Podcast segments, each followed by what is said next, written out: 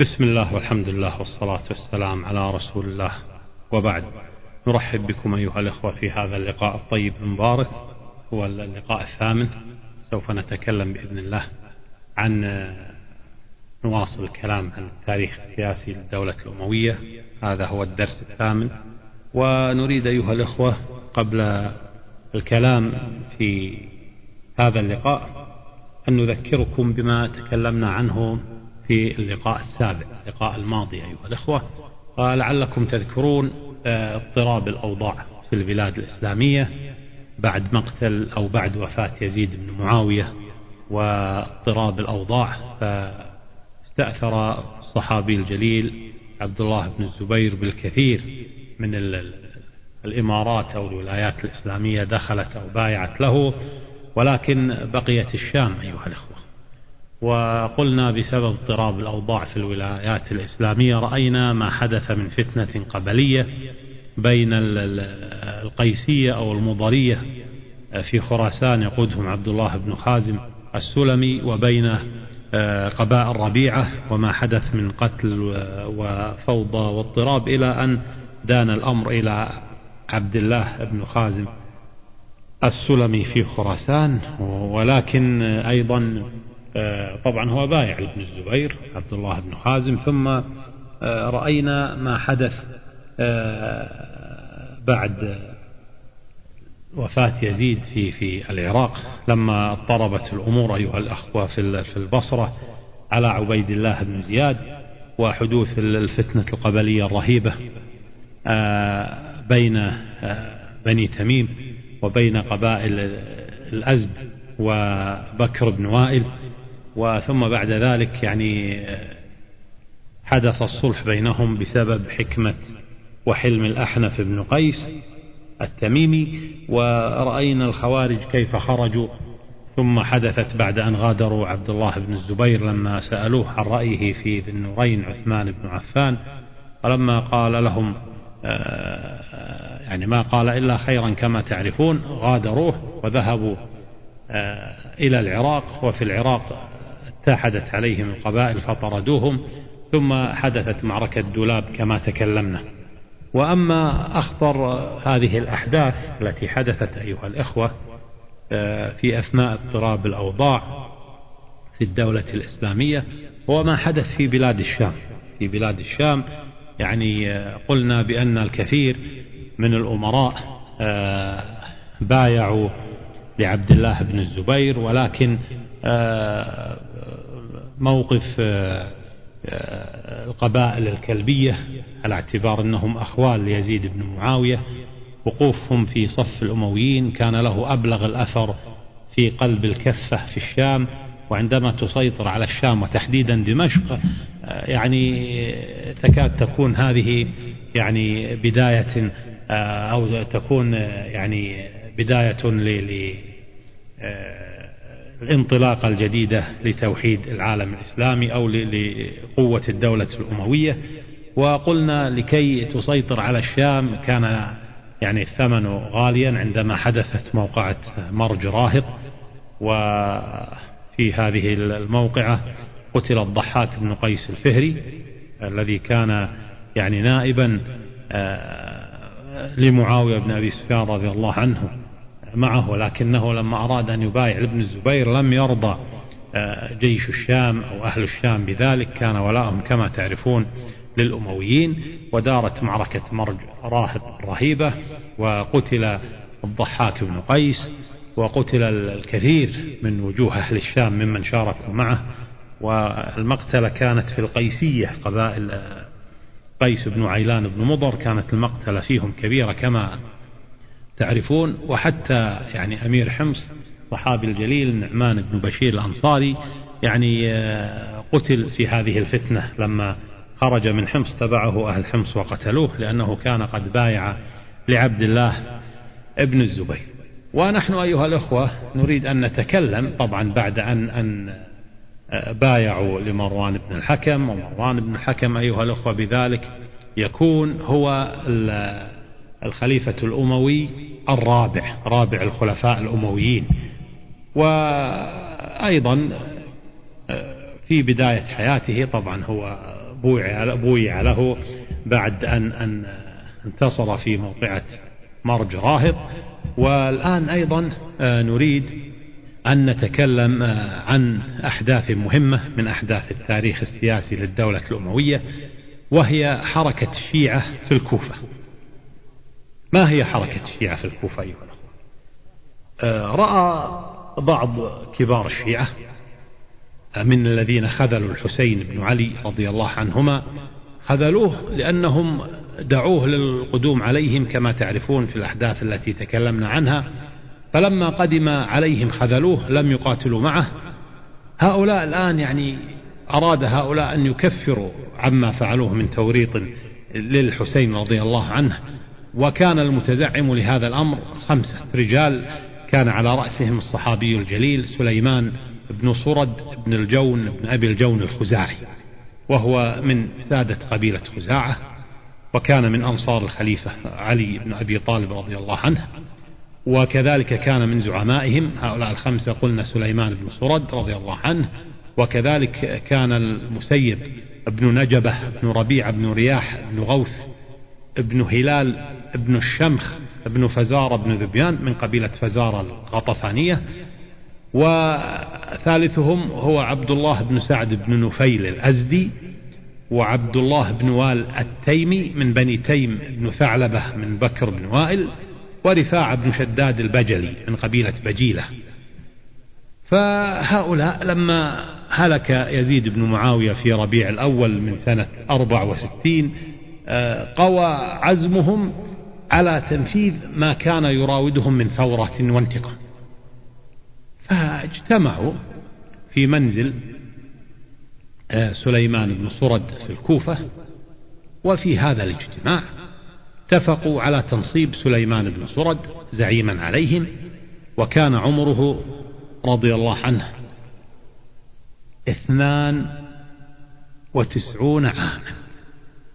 نعم.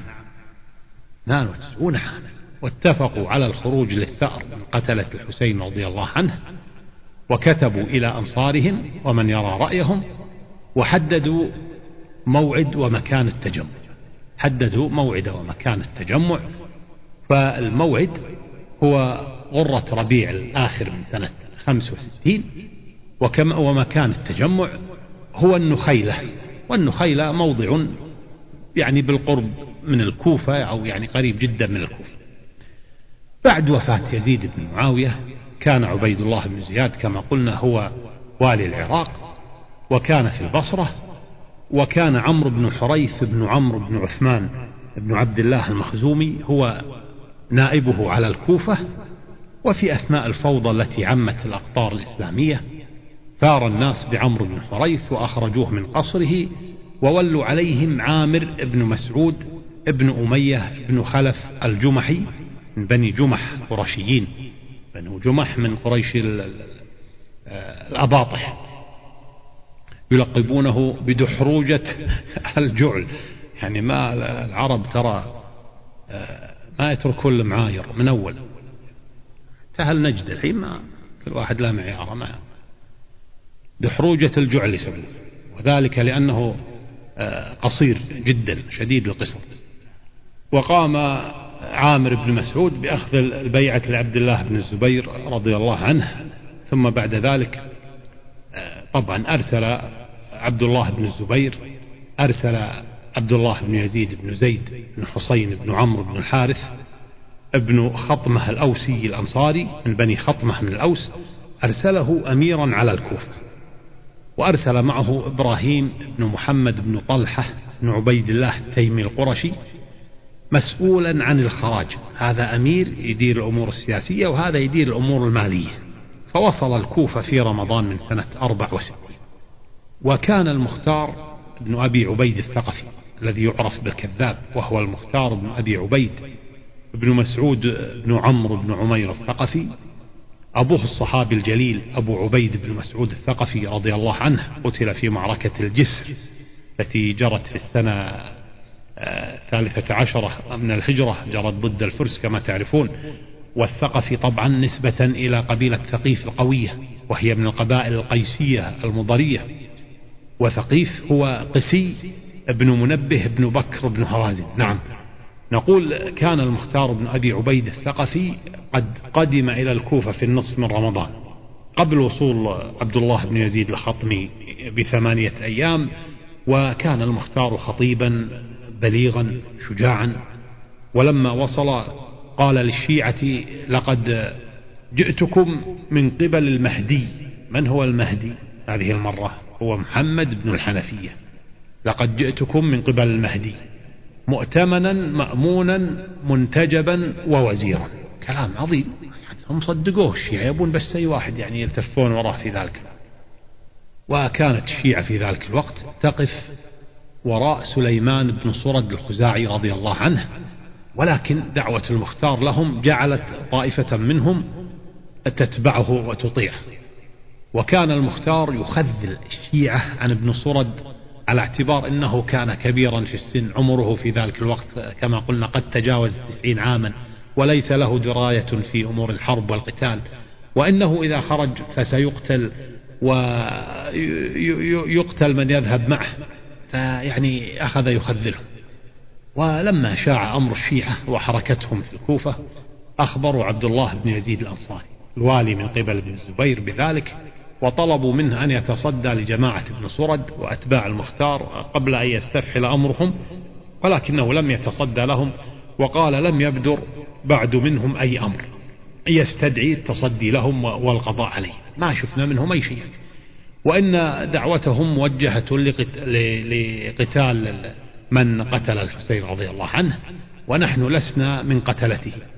هذا الموقف من عبد الله بن يزيد الأنصاري جعل أتباع سليمان بن صرد يجاهرون بدعوتهم ويظهرون ما كانوا يبطنون ويستعدون للقتال. نعم.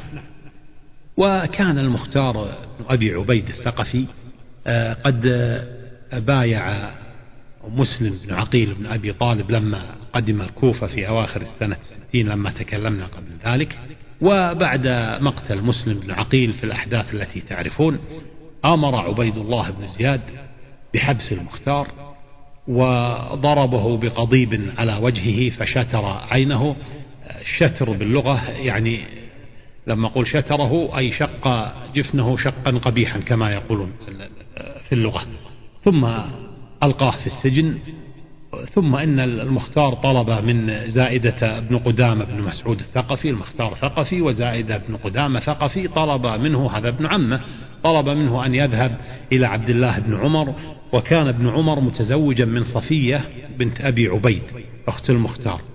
قال له اذهب له واطلب منه أن يكتب ليزيد بن معاوية في الشام ليأمر آه، عبيد الله بن زياد ليطلقه من حبسه آه، ففعل زائد بن قدامة ما طلب منه ابن عمه المختار. وجاء كتاب يزيد إلى عبيد الله بن زياد بإطلاق المختار من حبسه فأطلقه آه، ابن زياد وأمهله ثلاثة أيام وإلا سيقتله إن لم يغادر الكوفة. ثم إن المختار بعد أن غادر الكوفة سار إلى مكة المكرمة وفي مكة قام بمبايعة عبد الله بن الزبير وقاتل معه ضد الحصين ابن نمير السكوني قائد جيش يزيد بن معاوية لما جاء إلى مكة من المدينة بعد هزيمتهم لأهل المدينة كما سبق وتكلمنا هزموهم طبعا في موقعة الحرة وقاتل المختار قتالا عظيما وبقى المختار في مكة حتى هلاك يزيد بن معاوية بخمسة أشهر. ظل بها بعد هلاك يزيد وفاة يزيد آه، لمدة خمسة أشهر في مكة ويعني ما يقارب خمسة أشهر أياما كما آه، قال الإمام الطبري. المختار أيها الأخوة آه، طبعا لما خرج سليمان بن صرد في جيشه لقتال جيش الشام المختار بقى في الكوفة. بقى في الكوفة لم يخرج استراب في أمره عمر بن سعد بن أبي وقاص وشبث بن ربعي بن حصين الرياح التميمي ويزيد بن الحارث بن رويم الشيباني وقالوا لعبد الله بن يزيد الأنصاري إن ابن صرد خرج لقتال عدوكم وإن المختار يريد أن يسب عليكم في الكوفة وبالفعل استجاب لتحذيرهم وألقوا القبض عليه وسجنوا سجنوا المختار. سليمان بن صرد الخزاعي رضي الله عنه خرج حسب طبقا للموعد إلى النخيلة هو قد ضرب لهم موعدا في غرة ربيع الآخر من سنة 65 كما قلنا والمكان هو النخيلة فخرج إلى النخيلة وكان عدد الذين عاهدوه على الأخذ بثأر الحسين بن علي رضي الله عنه وسجلوا أسماءهم معه قرابة ستة عشر ألفا. ولكنه وكالعادة هذا شيء راح تلاحظونه ما ينتهي أبدا. ولكنه وجد في النخيلة إن من أتى للموعد لا يتجاوزون الألفين فقط ستة عشر ألف يعني حدث فيهم يعني شيء رهيب بقى ألفين بس. فأرسل اثنين من الفرسان إلى الكوفة ليطوف في أحيائها وطرقاتها وينادي يا لثارات الحسين طبعا حتى يفزعون الناس. ففعل لحق بهما الكثير من الناس ولكنهم مع ذلك لم يتجاوزوا عدد من في المعسكر. بمعنى أن مجمل من معه أصبح كم؟ قرابة الأربعة. وتخلف عنه كذلك من عاهده من شيعة البصرة وشيعة المدائن.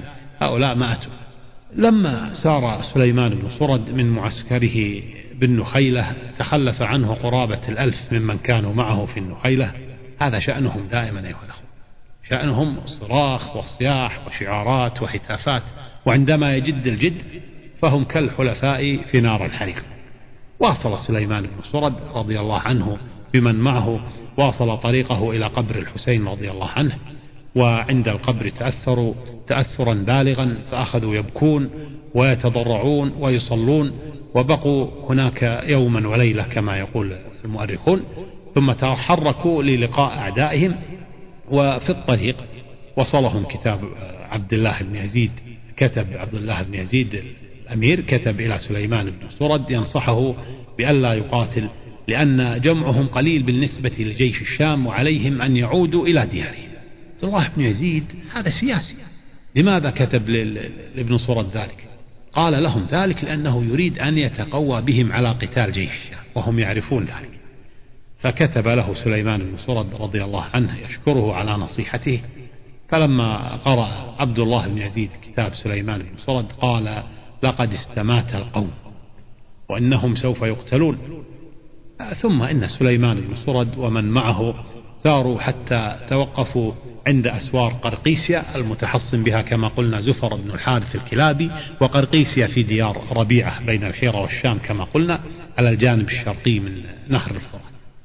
لما توقفوا خارج الأسوار بعثوا إلى زفر بن الحارث المسيب بن نجبة الفزاري الذي يسميه زفر بفارس مضر الحمراء وإذا عد من أشراف مضر عشرة كان المسيب بن نجبة أحدهم. هذا الكلام يقوله زفر لابنه الهذيل ابن زفر لما سأله عن المسيب. وبمناسبة الكلام عن زفر بن الحارث الكلابي فزفر في اللغة عند العرب هو الرجل الشجاع والرجل الكريم أيضا وزفر من أسماء الأسد. وزفر أيضا هو الجمل الضخم. أنا أعتقد أنها مسمينها على الجمل يمكن الجمل الضخم يعني. رحب زفر ابن الحارث بجيش التوابين. هذا الجيش يسمونه جيش التوابين جيش سليمان بن صرد. يريد أن, أن, أن يتوبوا يكفروا عما يعني آه، صنعوه من خذلانهم للحسين رضي الله عنه. آه، طبعا رحب زفر بن الحارث بجيش التوابين وزودهم بما يحتاجون من مؤونة حنطة وشعير وأباعر للذبح وأخبرهم بأن جيشا قويا قد خرج من الشام للقائهم وقال لهم إن شئتم دخلتم مدينتنا وإن شئتم خرجنا فعسكرنا معكم خارجها لنكون يدا واحدة على عدونا. فقال له سليمان بن صرد إن قومنا من أهل الكوفة عرضوا علينا المساعدة فلم نقبل. قال لهم زفر فإن كان الأمر كذلك فعليكم بعين الوردة توجهوا إليها واجعلوا ظهوركم إليها حيث الماء بجواركم ونصحهم وهو القائد طبعا المحنك كيف يكون القتال لأنهم كلهم فرسان لا مشاة معهم وجيش الشام الكبير به فرسان ومشاة جيش هذا نصرد فرسان. والفرسان قتالهم يختلف عندما يواجهون جيشا به. فرسان ومشاة الجيش أكثر منهم جيش الشام. لا شك أن جيش الشام أكثر منهم. آه، أكثر منهم إيه؟ سار سليمان بن صرد ومن معه إلى عين الوردة حسب أو طبقا لنصيحة زفر بن الحارث وهي باتجاه الكوفة. ولما وصلوها نزلوا في غربيها هذا الجيش جيش ابن صرد كما قلنا يسمونه جيش التوابين لأنهم يريدون أن يتوبوا عما فعلوه بالحسين رضي الله عنه آه، لما خذلوه بعد أن كتبوا إليه ببيعتهم يستدعونه للقدوم من العراق. لا أريد أن أتكلم في التفصيلات فهي كثيرة ولكني أقول إنهم التقوا في ربيع الآخر وقيل جماد الآخرة من سنة 65 وكان القائد العام لجيش الشام المكون من عدة جيوش جيش الشام هذا مكون من عدة كتائب كان القائد العام لجيش الشام والذي خرج لقتال سليمان بن صرد رضي الله عنه هو عبيد الله بن زياد. وكان قائد آه، هذا الجيش الذي وصل آه، لمواجهتهم. نحن نقول القائد العام عبيد الله بن زياد لكن هذا الجيش الذي وصل لمواجهتهم هو الحسين بن نمير السكوني الكندي. وقبل أن ينشب القتال دعاهم الحسين بن نمير إلى طاعة الخليفة الأموي والدخول في الجماعة فرد التوابون عليهم بأن سلموا لنا. عبيد الله بن زياد نقتله ببعض من قتل من إخواننا وطلبوا منهم أيضا من ضمن مطالبهم أن يخلعوا الخليفة الأموي طبعا جنونه وأن يطرد من ببلادهم من آل بن الزبير ثم يرد هذا الأمر إلى أهل بيت النبي صلى الله عليه وسلم. هذا الوقت هذا مثل يعني الحلم شو ذا الكلام. ما, ما يصير يعني. هذا كلام ما يصير. هذا يعني أن كل طرف متمسك بما جاء من أجله وأن القتال سينشب سريعا وسيكون رهيبا. هذا استقتال ما في شك. هذا ما حدث بالفعل. إذ أن المعركة دامية معركة عين الوردة قد نشبت بين الطرفين واستمر القتال لمدة ثلاثة أيام.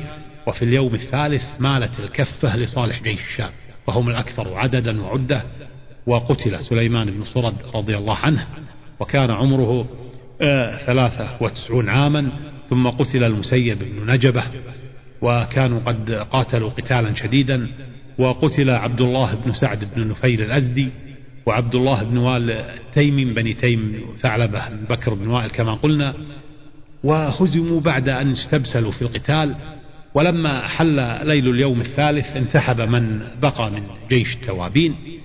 كل ذهب إلى دياره المدائن والبصرة والكوفة. يعني جاء قليل من المدائن والبصرة. ما جاءوا كلهم كما قلنا لكن معظم الجيش من الكوفة. ولما عاد أهل الكوفة وجدوا المختار مسجونا. لما عادوا وجدوا المختار بن أبي عبيد مسجونا. في رمضان من سنة 65 توفي مروان بن الحكم بن أبي العاص ابن أمية ابن عبد شمس ابن عبد مناف القرشي. وهو من مواليد سنة ثلاث من الهجرة. أمه آمنة بنت علقمة بن صفان بن أمية بن محرث بن خمل الكنانية. بقى في الخلافة ثمانية أشهر وقيل ستة أشهر. وقبيل وفاته أرسل بجيشين. الأول توجه إلى المدينة بقيادة حبيش بن دلجة القيني نسبة إلى قبيلة القين وهي من آه، قبائل قضاعة. وإذا تذكرون من دروس الأنساب قلنا بأن القين نسبة إلى قين. والقين هم بنو النعمان بن جسر بن شيع اللات ابن أسد بن وبرة وهم من قبائل قضاعة. نعمان بن جسر قام عبد لهم قين بحضانته. وتربيته فنسبوا إليه. وقلنا بأن هذا الأمر تكرر كثيرا في القبائل العربية العريقة إذ أنه عندما يموت الرجل تقوم عبدته مثلا أو عبده بتربية أبناء السيد والاعتناء بهم في ظل القبيلة ربيهم في ظل القبيلة ولذلك يعرفون به أو بها. والعبيد في ذلك الوقت لهم مكانتهم في مجتمع القبيلة خاصة إذا كان سيدهم من رجال القبيلة البارزين. كان العبد عند سيد من رجال القبيلة البارزين فلها مكانة كبيرة مكانته من الحقيقة من سيده. هذا عن الجيش الأول الذي أرسله مروان آه، قبيل وفاته إلى المدينة وقلنا بأنه كان آه، بقيادة حبيش بن دلجة القيني أما الجيش الثاني فكان بقيادة عبيد الله بن زياد وكان متوجها إلى العراق لقتال جيش سليمان بن صرد ومن معه لقتال جيش التوابين كما قلنا هو القائد العام للجيش. أما الجيش الذي كان عليه حبيش بن دلجة فقد انكسر. جيش حبيش بن دلجة انكسر قبل أن يقاتل. لماذا؟ لأن حبيش بن دلجة أصيب بسهم غرب سهم غرب يعني طائش. فقتل فانخذل الجيش قبل قتال جيش ابن الزبير. القائد إذا, إذا ضرب في المعركة هذه يعني كثيرة. آه، يعني آه، تنهزم الروح القتالية ويعني ينهزم الجيش. بوادر الهزيمة تظهر. وكان في هذا الجيش الحجاج بن يوسف الثقفي. ولم يكن للحجاج في تلك الأيام شأن يذكر. يعني كان من ضمن جيش حبيش بن دلجة. هكذا جندي عادي ولا له شأن يذكر. وكانت وفاة مروان بن الحكم أو اغتياله آه، على يد زوجته أم خالد بن يزيد بن معاوية كما جاء في إحدى الروايات. آه، كانت وفاته في الثالث من رمضان من سنة 65 وأم خالد بن يزيد كما قلنا هي فاختة بنت أبي هاشم بن عتبة بن ربيعة بن عبد شمس بن عبد مناف القرشية. وكان مروان قد وعد ابنها خالد بن يزيد بالأمر من بعده ثم قرر مروان أن يجعل الأمر لابنه عبد الملك. ثم من بعده لابنه عبد العزيز بن مروان وكان آه، إذا دخل عليه المجلس آه، خالد بن يزيد بن معاوية إذا دخل المجلس على مروان كان يجلسه معه على سرير الملك فلما دخل عليه يوما وأراد أن يجلس معه على السرير نهره مروان وقال له أمام من في المجلس؟ تنحى يا ابن رطبة الأسد. فلما دخل عليه يوما وأراد أن يجلس معه على السرير نهره مروان وقال له أمام من في المجلس؟ تنحى يا ابن رطبة الأسد. والله ما وجدت لك عقلا. هانه إهانة بالغة كيف؟ يأتي ويجلس على السرير ثم يتلقاه بمثل هذا الكلام في المجلس أمام هذه الرجال وهذه القبائل والقادة والجيوش. أصيب خالد بن يزيد طبعا بحرج شديد وخرج من المجلس. يملأه الغضب وذهب إلى أمه العبشمية القرشية الجبارة ذهب إليها فقال لها ابنها قرة عينها خالد بن يزيد بن معاوية لقد فضحتيني وقصرت بي لقد فضحتيني وقصرت بي ونكست برأسي زعلان حزين. قالت له بماذا فعلت؟ كيف فضحتك كيف قصرت بك؟ كيف نكست برأسك؟ ولدها قرة عينها. قالت له بماذا؟ قال لها بزواجك من هذا الرجل وقص عليها ما فعل به مروان في المجلس. فقالت له لا يسمع أحد بأنك جئتني ولا يعلم مروان بأنك قلت لي ما قلت. ثم لما جاءها زوجها مروان وسألها عن ابنها خالد وهل قال لها ما صنعه به في المجلس؟ قالت له المرأة الداهية كيد النساء رهيب. قالت له لقد جاءني ولم يحدثني بشيء وأخذت تثني عليه وإنه بمثابة الوالد لولدها خالد فصدقها مروان وغلبته بكيدها ثم إنه أتاها يوما في وقت الظهيرة ليقيل عندها. فلما نام قامت ومعها جواريها وأغلقنا الأبواب ثم انقضت عليه هي وجواريها وخنقته بالوسادة. ثم شقت جيبها وأمرت الجواري فشققنا.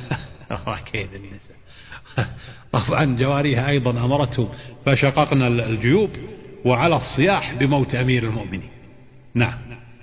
آه، عبد الملك بن مروان أيها الأخوة آه، ولد في سنة 26 من الهجرة وهي نفس السنة التي ولد بها يزيد بن معاوية عبد الملك بن مروان أمه عائشة بنت معاوية بن المغيرة بن أبي العاص بن أمية بن عبد شمس. قال ابن الجوزي في تاريخه المسمى بالمنتظم في تاريخ الأمم والملوك إن عبد الملك كان فقيها ناسكا راوية للحديث شاعرا يلقبونه حمامة المسجد. وقالوا بأن عبد الله بن عمر رضي الله عنه لما سئل من نسأل بعدكم؟ قال رضي الله عنه. عبد الله بن عمر يقول إن لمروان ابنا فقيها فسلوه. وروي عن نافع مولى بن عمر أنه قال أدركت المدينة وما بها شاب أنسك ولا أشد تشميرا من آه، ولا أكثر صلاة. يقول أدركت المدينة وما بها شاب أنسك ولا أشد تشميرا ولا أكثر صلاة ولا أطلب للعلم من عبد الملك بن مروان. وأيضا قال الإمام ابن الجوزي في تاريخه فلما بويع له تغيرت أموره في باب الدين. هذا كلام الإمام ابن الجوزي. آه يعني كلام قيل لكن نفسر لكم بعد ذلك. نعم. في سنة 65 آه عزل عبد الله بن الزبير رضي الله عنه عبد الله بن يزيد الأنصاري على الكوفة ونصب عليها الصحابي الجليل آه عبد الله بن مطيع العدوي القرشي رضي الله عنه ووصل عبد الله بن مطيع إلى الكوفة في رمضان من سنة 65 إذا تذكرون عبد الله بن مطيع كان قائد القرشي من أهل المدينة المنورة يوم الحرة وكان قد فر إلى مكة عند ابن الزبير بعد هزيمة أهل المدينة. وعبد الله بن مطيع ولد في حياة الرسول صلى الله عليه وسلم وحنكه النبي عليه السلام.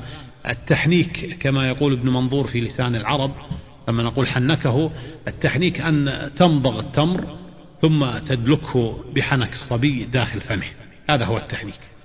في المدينة المنورة قام عبد الله بن الزبير رضي الله عنه بعزل أخيه عبيدة بن الزبير وجعل في مكانه أخاه مصعب بن الزبير. لما عاد أهل الكوفة المهزومون من أصحاب ابن صرد في عين الوردة إلى الكوفة كان المختار بن أبي عبيد الثقفي في السجن فأخذ يراسلهم ويكاتبهم ويعاهدهم على الأخذ بثأر الحسين بن علي رضي الله عنه فكتبوا إليه إنهم سيكونون معه فيما يسعى إليه من الأخذ بثأر الحسين. فكتب المختار إلى عبد الله بن عمر رضي الله عنه يطلب منه أن يكتب إلى آه، عبد الله بن يزيد وإبراهيم بن محمد بن طلحة لكي يطلقاه. فكتب إليهما فأطلقاه بعدما أخذ عليه كفلاء يضمنونه فأحضره عبد الله بن يزيد وإبراهيم بن محمد وحلفاه أن لا يخرج عليهما فحلف له لما حلف لهما أطلقه فذهب إلى داره في الكوفة فتوافد عليه الشيعة أخذوا يتوافدون عليه وقوي أمره. ثم بعد ذلك عزل عبد الله بن الزبير بن العوام رضي الله عنه عبد الله بن يزيد وجعل في مكانه عبد الله بن مطيع رضي الله عنه. مختار أيها الأخوة أخذ يعمل بجد لجمع الشيعة كي يأخذ كما يقول بثأر الحسين رضي الله عنه واستطاع المختار أن يحتال على إبراهيم بن الأشتر النخعي بأن زور كتابا على لسان محمد بن علي بن أبي طالب محمد بن حنفية. ماذا قال بالكتاب؟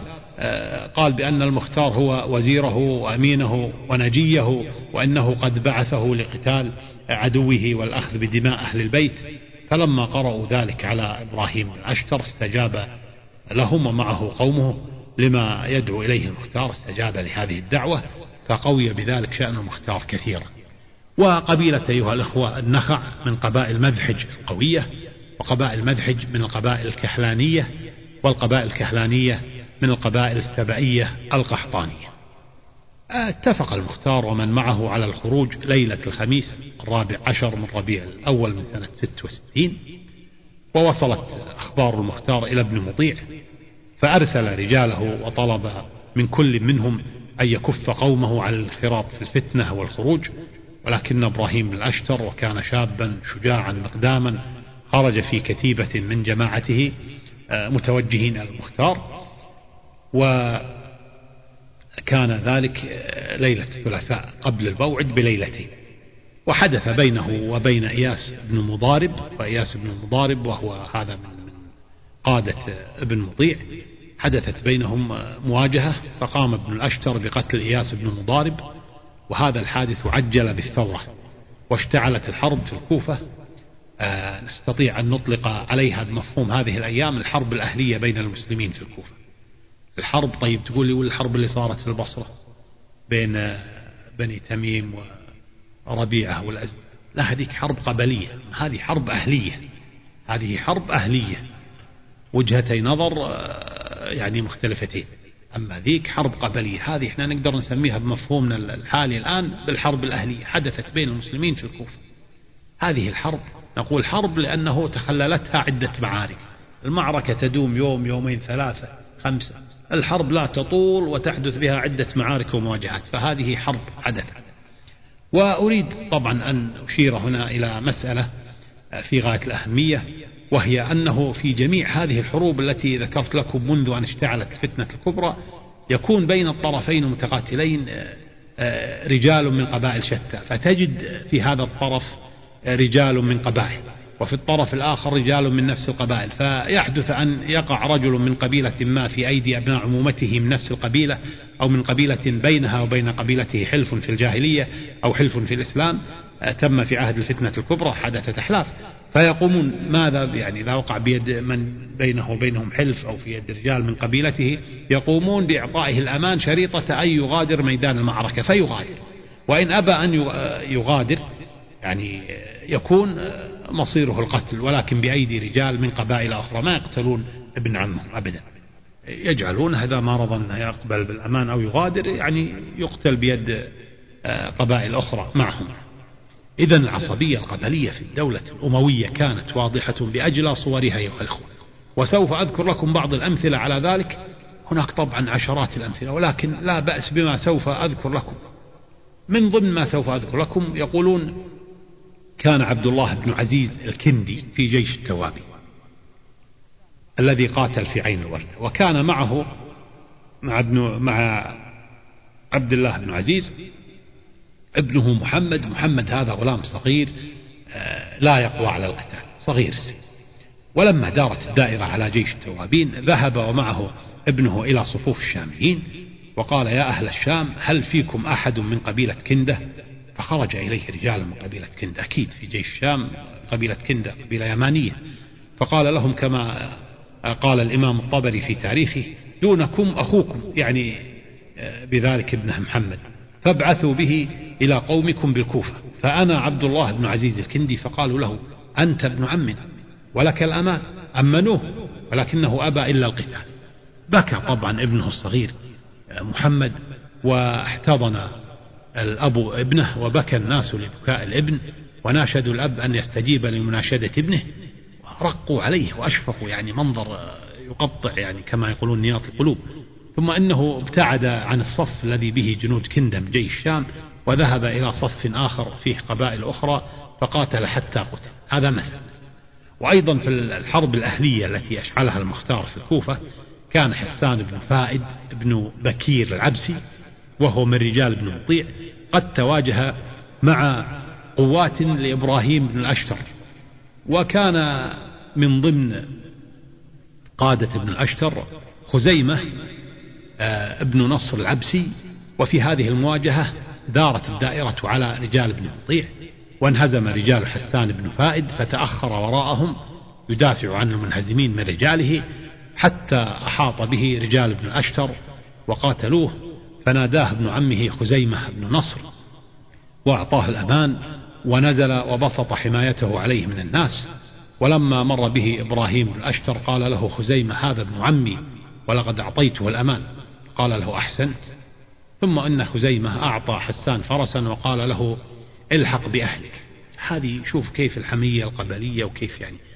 هذه الدولة الأموية أيها الأخوة دولة يعني قبلية دولة عصبيات. ولذلك ما كنت أستطيع أن أتكلم عن تاريخها إلا إذا أصدرت آه، يعني سلسلة العرب حسب ونسب. حتى تعرفون أنا لما يعني ليس القصد ذكر القبائل العربية وهكذا لكن ما نستطيع أن نفهم تاريخ الدولة الأموية إلا إذا فهمنا القبائل العربية وتقسيماتها وأفخاذها وبطونها وأفرعها وحسبها ونسبها وقيمها وكما نسميها سلومها كلها أثرت وكلها لعبت يعني دورا كبيرا هذه المسائل في تاريخ الدولة الأموية. ولذلك كان لا بد لي من إعداد الحقيقة سلسلة العرب حسب ونسب حتى يعني نهيئ للكلام عن تاريخ الدولة الأموية العظيمة. وربما طبعا كما قلنا في يعني دروس العرب حسب ونسب.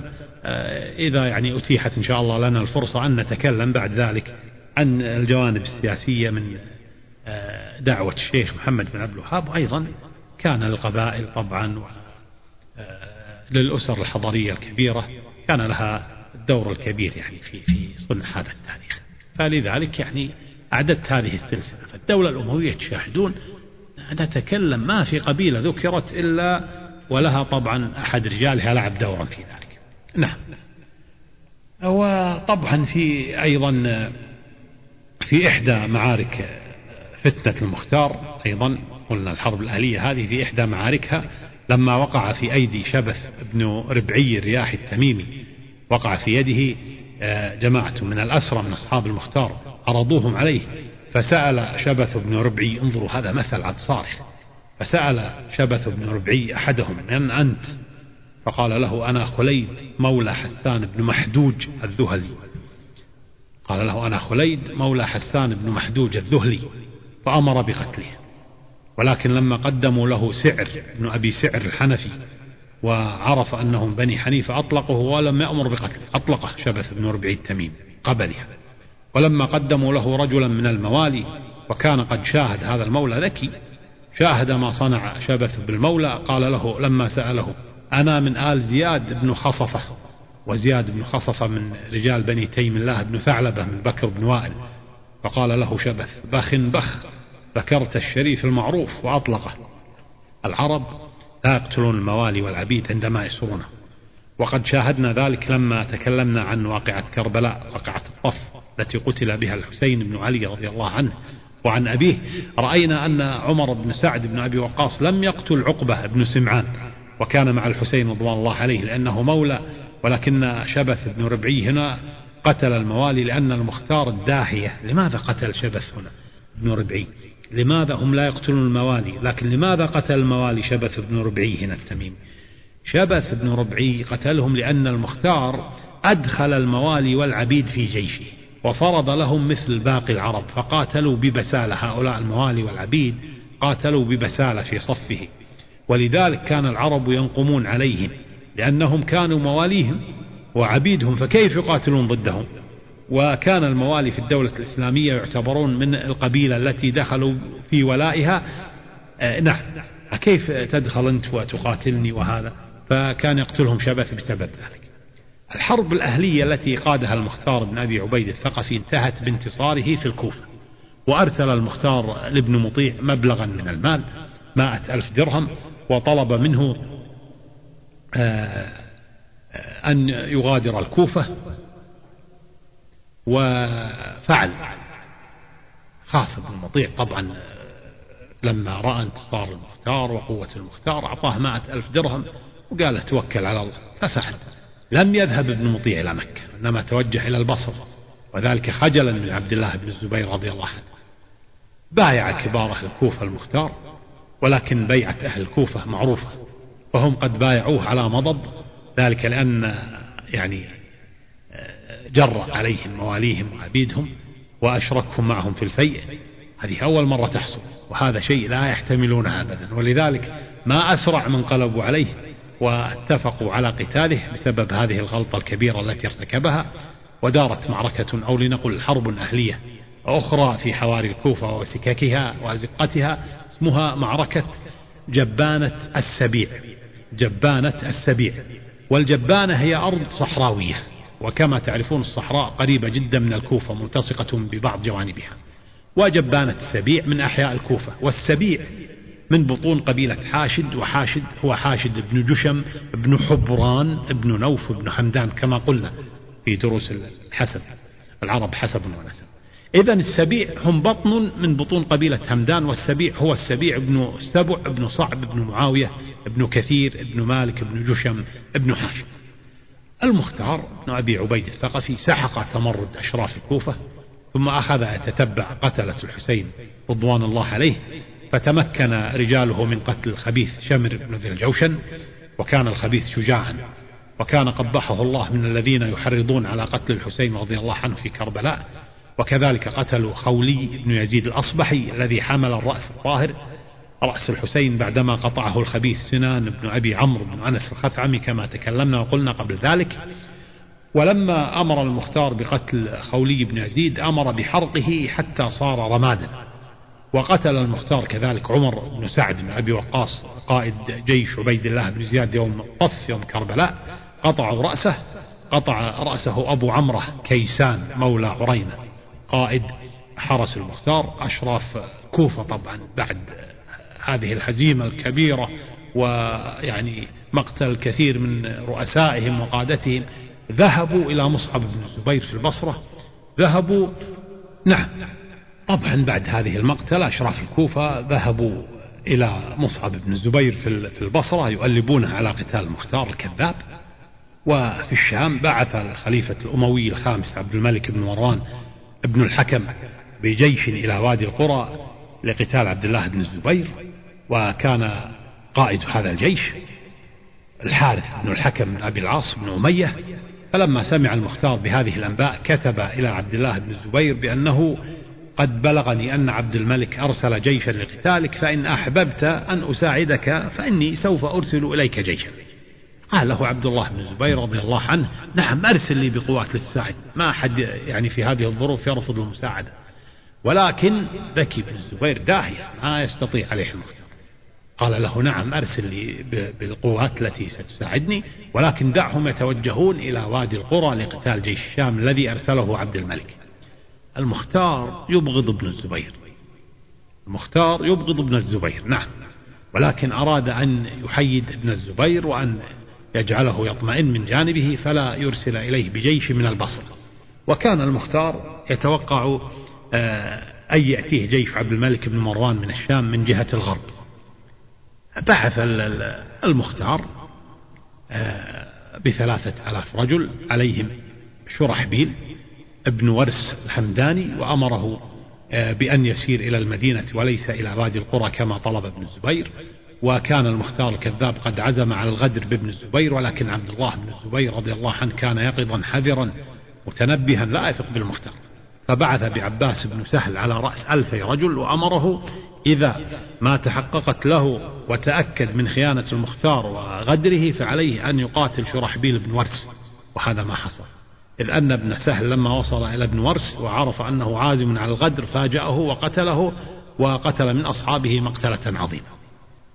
في الكوفة وبعد أن فرغ المختار من قمع ثورة أشرافها في معركة جبانة السبيع قام بإرسال إبراهيم بن أشتر النخعي لقتال عبيد الله بن زياد ومن معه من جند الشام وكان ذلك في ذي الحجة من سنة 66 والتقوا به آه، بمكان اسمه خازر بالقرب من الموصل ليس ببعيد عنها ودارت معركة كبيرة رهيبة أبلى فيها إبراهيم بن أشتر آه، بلاء كبيرا وقاتل كعادته قتالا شرسا وفي هذه المعركة الشرسة قتل عبيد الله بن زياد وقتل كذلك حسين بن نمير السكوني قائد ميمنة جيش الشام وقتل شرحبيل بن ذي الكلاع قائد فرسان جيش الشام وقتل من جيش الشام الكثير من الرجال وكانت هذه المعركة في أوائل سنة سبع وست.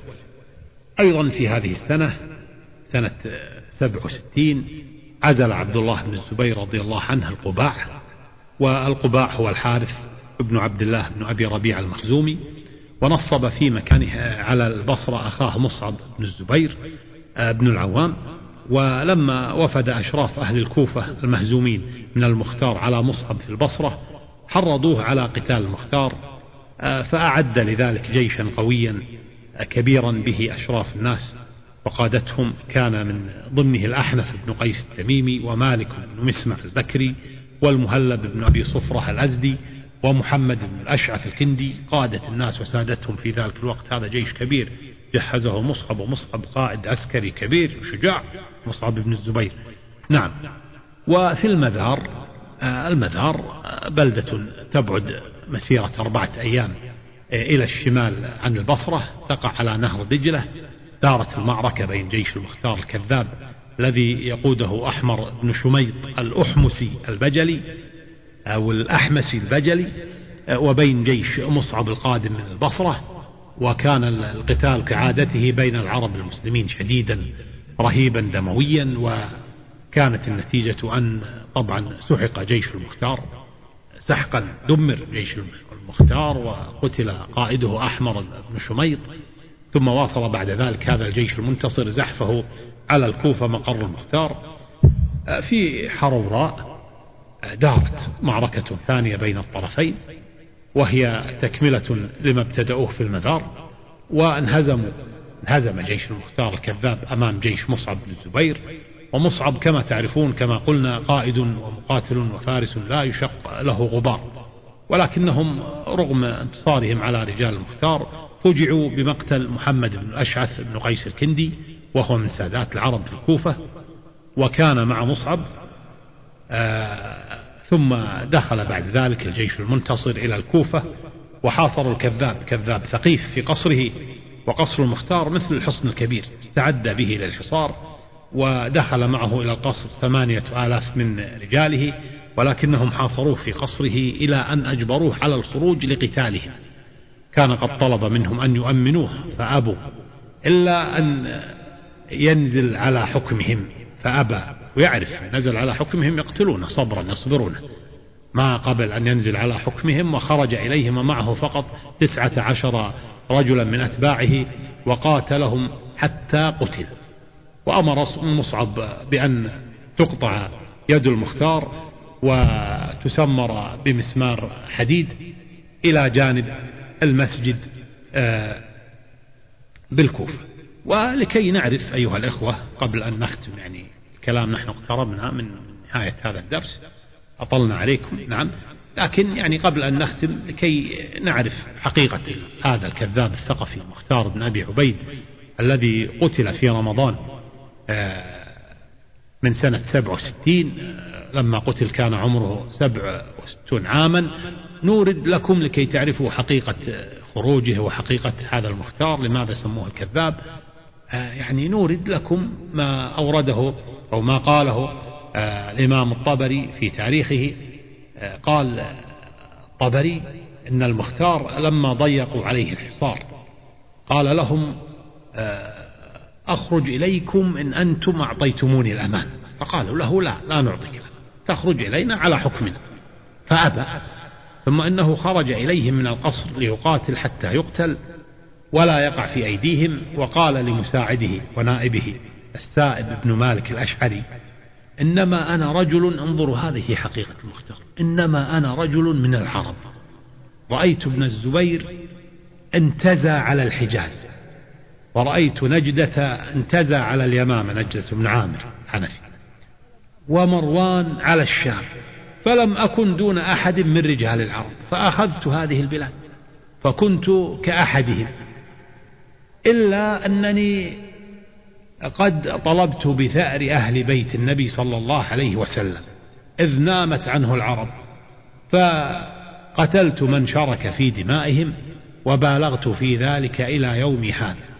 فقاتل عن حسبك إن لم تكن لك نية. أخبار المختار أيها الأخوة الكذاب كثيرة وكبيرة ولكني أعرضت آه، يعني آه، عنها أعرضت عنها هذه الأخبار الكثيرة والكبيرة خشية الإطالة على كل حال يعني أيها الأخوة نريد أن نتوقف هنا وجزاكم الله خير على حسن استماعكم آه، وصبركم بعد هذه يعني الأحداث الطويلة ونلتقي إن شاء الله في الدرس التاسع. وبارك الله فيكم